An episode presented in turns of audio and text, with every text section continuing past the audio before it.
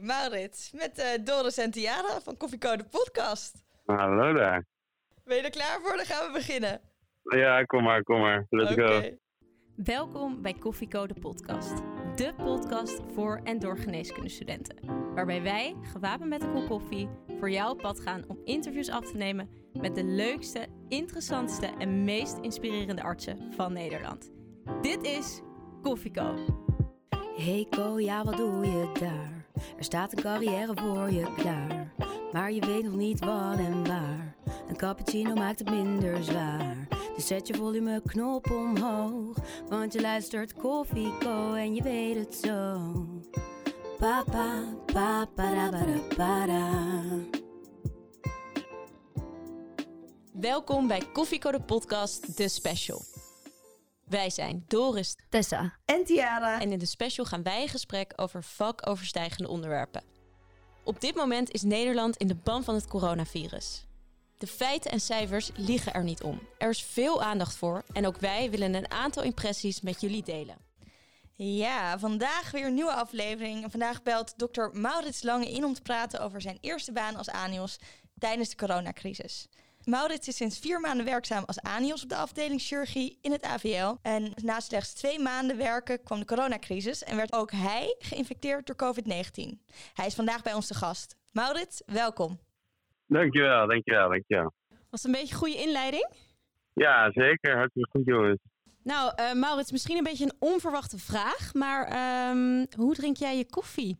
Uh, dat is heel simpel. Dat is uh, helemaal zwart helemaal zwart. En uh, als het kan, met een klein zoetje erin. En je bent net afgestudeerd. Dus aan jou kunnen we ook vragen: dronk je tijdens je kooschappen eigenlijk vaak koffie met, uh, met de dokters? Um, nou, zoals jullie denk ik wel weten uit ervaring, verschilt dat natuurlijk heel erg per dokter. Uh, ik vond het wel altijd leuk om mij een beetje te verdiepen, omdat ik natuurlijk ook net als de meeste uh, van jullie uh, toch al worstelen met de vragen: wat wil ik nou, wat vind ik leuk, maar ook hoe ziet zo'n leven van iemand eruit? En soms kwam je toch wel uh, ja, toe aan die vragen bij iemand. Dus ik vond het altijd wel leuk, maar het kwam er helaas niet altijd van. Dus echt bang voor een beetje hiërarchie ben jij niet, Maurits?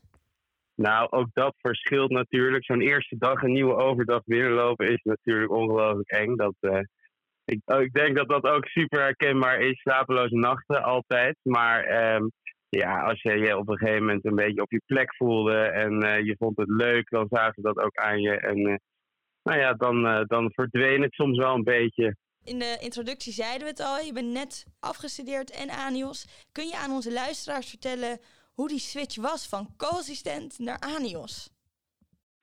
ja, dat kan ik zeker. Dat is, um, nou ja, voor mij misschien wel, um, nou, misschien dat sommige mensen zich erin herkennen, maar ik was als co-assistent nogal een beetje lui af en toe. Uh, ik ontdekte bij mezelf als ik iets niet echt leuk vond um, en wel mijn best deed, maar dan toch op een gegeven moment vond ik het lastig om ergens heel veel tijd in te steken. En dan liep ik de kantjes ervan af. Uh, en nam ik mijn verantwoordelijkheid niet, want ik had die dan ook gewoon niet. Dus dan was het heel simpel voor mij om daar een beetje onderuit te komen. Um, en dan komt je eerste baan en in één keer krijg je de volle verantwoordelijkheid moet je in één keer medicatie na gaan lopen. En elke patiënt van A tot Z.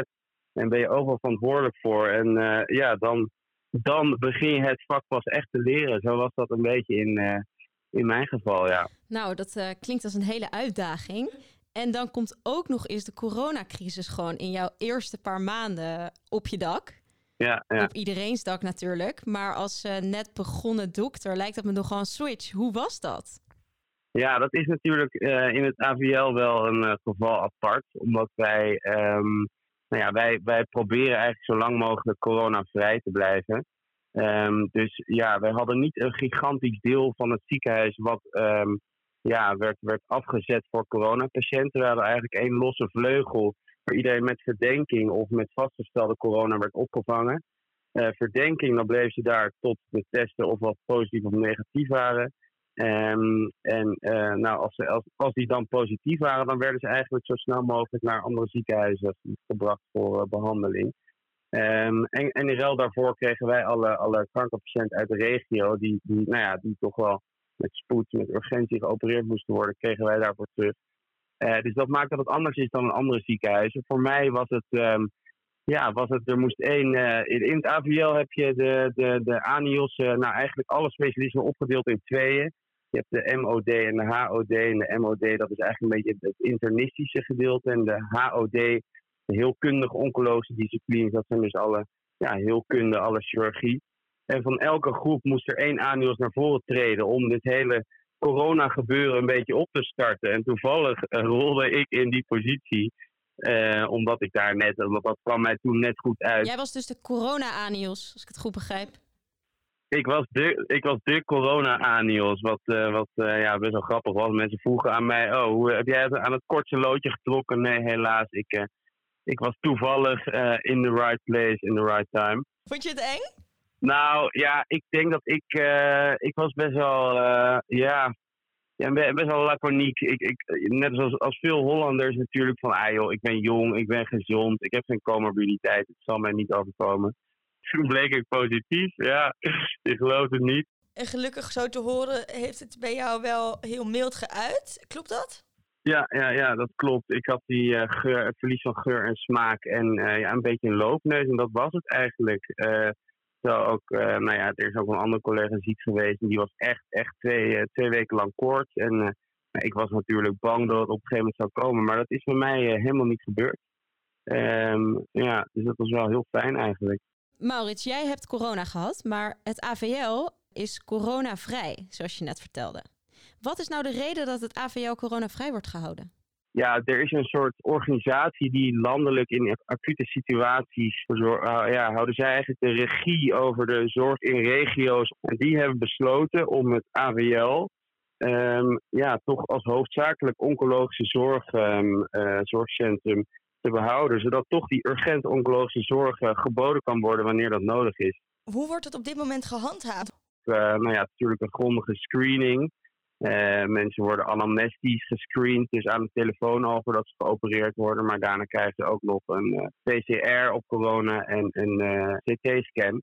En op die manier is het eigenlijk tot nu toe gelukt om alle corona buiten huis te houden. Hoe kan je dit organiseren dat alsnog dezelfde zorg wordt geleverd? Uh, nou ja, door, zoals ik al zei, iedereen die bewezen corona heeft, uh, ja, dat wordt dan gecommuniceerd met andere ziekenhuizen. En die gaan dan die gaan voor hun behandeling naar andere ziekenhuizen.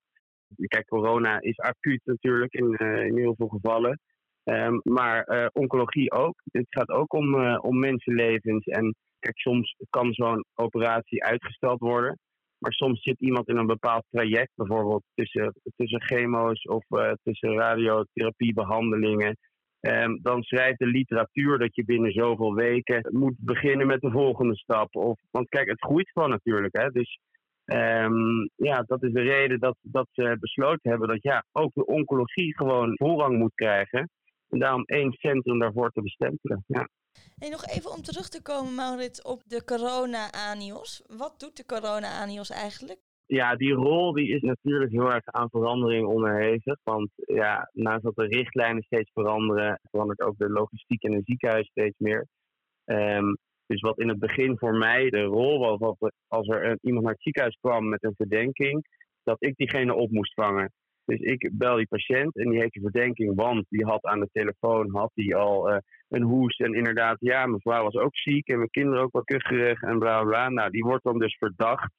Dan moet je die opvangen bij de ambulancesluis. Uh, is gewoon echt een, uh, ja, ja, bijna een soort sluis. En dan moet door de deur voorzie je iemand van een mondkapje, handschoenen.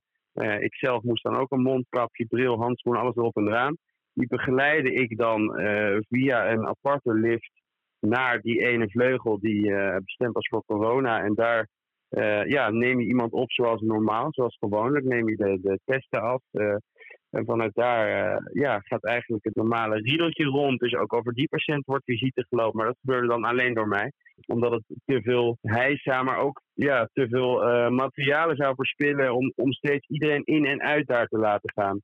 Um, dus ja, dat was een beetje mijn taak in het begin. Best verantwoordelijk lijkt me zo, of niet? Ja, het was wel een grote verantwoordelijkheid, maar je wordt wel uh, supergoed begeleid daarin. Kijk, het is natuurlijk niet dat het uh, zoiets in je schoenen wordt geschoven en zoek het maar uit. Er waren echt regelmatig meetings en er was een, een internist, dat was dan de, de corona man zeg maar, in het ziekenhuis. Die kon je altijd bellen, die was er altijd bij. En uitgebreid protocollen en elke dag updates. En nee, dat was echt super goed geregeld allemaal. Echt waar. Helemaal in het begin vertelde je dat jij dus zelf eigenlijk een van de eerste dagen als corona-anios bent geveld door het virus. Dus ehm, minder vatbaar. Ze hebben jou uh, toen je weer terugkwam op je werk weer ingezet als corona-anios? Ja, zeker. Meteen. Zeker. En wanneer ben je weer begonnen? Nou, vandaag eigenlijk weer. Ja, ik heb vier, vier weken thuis gezeten. Um, eerst twee weken, toen moest ik weer bellen met de bedrijfsarts. En toen uh, nou, was ik toch nog niet helemaal symptoomvrij. Ik denk zelf dat ik gewoon een koudheidje ernaast had. Toen de, de, de, derde week moest ik ook nog thuis zitten. En toen de vierde week als een soort extraatje van, nou, zie ik dan maar echt nog helemaal goed uit. En uh, um, ja, dus na vier weken heb ik het weer opgepakt. En dan gewoon niet als corona-aannieuws, maar gewoon uh, op zaal. Dus dat was alweer even wennen vandaag, ja. Ja, ik kan me voorstellen. Had je het weer ehm, makkelijk te pakken of uh, was het uh, een zware dag vandaag? Ja, het, je, verliest toch een beetje de, de, de geoliedheid van de machine, zeg maar. En de protocolletjes die je normaal zo uit je kop stamt, die moest je er even erbij pakken. En, uh, maar ik ben ervan overtuigd dat het aan het eind van de week weer wat rustiger wordt. Kijk, het is nu natuurlijk ook, wij, wij zijn opgeschaald. En zoals de meeste ziekenhuizen opschalen qua IC-bedden, um, zijn wij ook opgeschaald qua IC-bedden, maar ook qua operaties en normale chirurgische bedden. Want wij moeten gewoon meer opereren dan voorheen. Uh, en dat maakt dat de werkdruk ook wel wat hoger is voor de zaalarts. Um, we hebben gewoon uh, grotere operaties, uitgebreidere operaties, maar ook meer. Um, en minder man in het ziekenhuis. Want uh, nou, zoals in veel bedrijven, maar volgens mij ook in ziekenhuizen, is de ploeg bij ons in tweeën gesplitst. Dus ook een thuisploeg en een, uh, en een ziekenhuisploeg. En de thuisploeg doet eigenlijk alle, alle administratie, dus uh, nou, de voorbereidingen van opnames, maar ook de omslagbrieven en dat soort dingen. En degenen die in het ziekenhuis zijn, die houden zich echt puur bezig met de kliniek, met de directe patiëntenzorg. en dat maakt dat, dat, ja, dat het, het is druk, het is druk, maar het is ook alweer leuk, want ja, die dingetjes waar je soms al minder zin in hebt, zoals de ontslagbrieven en de voorbereidingen, die, uh, die worden nu gedaan door jouw collega's thuis. Dus dat, uh, dat, ja, het is een, eigenlijk een hele andere, manier van werken. Maar wel leuk. Ja, en Maris, denk je dat nou ja, de manier van werken is nu helemaal veranderd in het ziekenhuis? Alles is omgegooid. Denk je dat we na deze coronacrisis daar iets van opsteken en dat overnemen? Um, nou, ik denk in heel veel sectoren wel, maar in de zorg eigenlijk niet. Want de zorg draait natuurlijk om direct patiëntcontact. En ook dit is behelpen, want ga maar eens een ontslagbrief typen over iemand die jij helemaal niet gezien hebt. Dus dan moet jij weer de, de klinische dossiers induiken. Um, ja, ik, ik, denk, ik denk dat het suboptimaal is. Het lukt wel, maar het, lukt, het kost allemaal wat meer tijd, wat meer moeite. Op afstand, dat is gewoon niet ideaal natuurlijk. Dus ik denk, ik denk niet dat dit echt iets wordt wat ze erin gaan houden. Nee. En is er iets, want het ziekenhuis heeft volgens jou dus, uh, ze doen het goed, maar of we er echt iets van meenemen in de toekomst, dat betwijfel jij. Heb jij er zelf uh, in deze periode als jonge dokter echt iets van geleerd? Ja, ik denk toch dat het op dit soort momenten er wordt gevraagd van wie wil dit doen, dan is eigenlijk je eerste reactie van oeh, nee, laat iemand anders maar doen. Dit keer ben ik er automatisch een beetje ingerold en ben ik achteraf heel blij dat ik dat heb gedaan. Want het voelt toch wel goed om zo'n functie binnen een ziekenhuis te vervullen. En uh, nee, het geeft me wel, ja, het geeft me toch wel een fijn gevoel. Ik, ik denk dat dat ook wel een les is die ik mee ga nemen. Niet in eerste instantie, instantie schrikken van iets, maar uh, nou, misschien toch heroverwegen, zeg maar. Oké, nou Maris, we sluiten de podcast af. En zoals je misschien wel weet bij Koffieco sluiten we altijd af met een tip voor onze luisteraars. Tip voor de jonge dokters. Wat wil jij hun meegeven? Uh, ik zou de jonge dokter meegeven. Hou je horizon breed. Ook bij het kiezen voor een specialisme waar je wil gaan aanjossen. Um, probeer zo breed mogelijk te blijven en later pas uh, je, je, je keuze te vernauwen op het moment dat je echt zeker weet dat je iets heel leuk vindt. Omdat als je al meteen begint met iets kleins, dan kan je, kan je nog wel eens bedrogen uitkomen. Maar hoe breder je blijft, hoe groter de kans dat je ineens iets tegenkomt uh, wat jou ontzettend aanspreekt. En dat je denkt, dit is hem en hier ga ik voor. Ik denk dat dat een hele waardevolle tip is. Dankjewel Maurits, klinkt helemaal goed. En als afsluiter, uh, weet jij al wat je wil worden? Uh, nou, dat is een hele goede vraag. Ik uh, heb altijd een beetje gepingpongd tussen plastisch en algemeen chirurg in. En ik moet zeggen, het is er niet makkelijker op geworden. Dus ik, eigenlijk weet ik het nog steeds niet. Ik hoop er ergens dit jaar achter te komen. Maar nee, echt met 100% zekerheid kan ik het nog niet zeggen, helaas. Nou, dan denk ik dat wij het wel van uh, Tessa, wat overigens uh, je vriendin is, dan horen wij het wel van haar. Heel goed. Oké, okay, Maurits, dankjewel. Dankjewel voor het interview. Ja, dank jullie wel. Succes. En luisteraars, jullie heel erg bedankt weer voor het luisteren.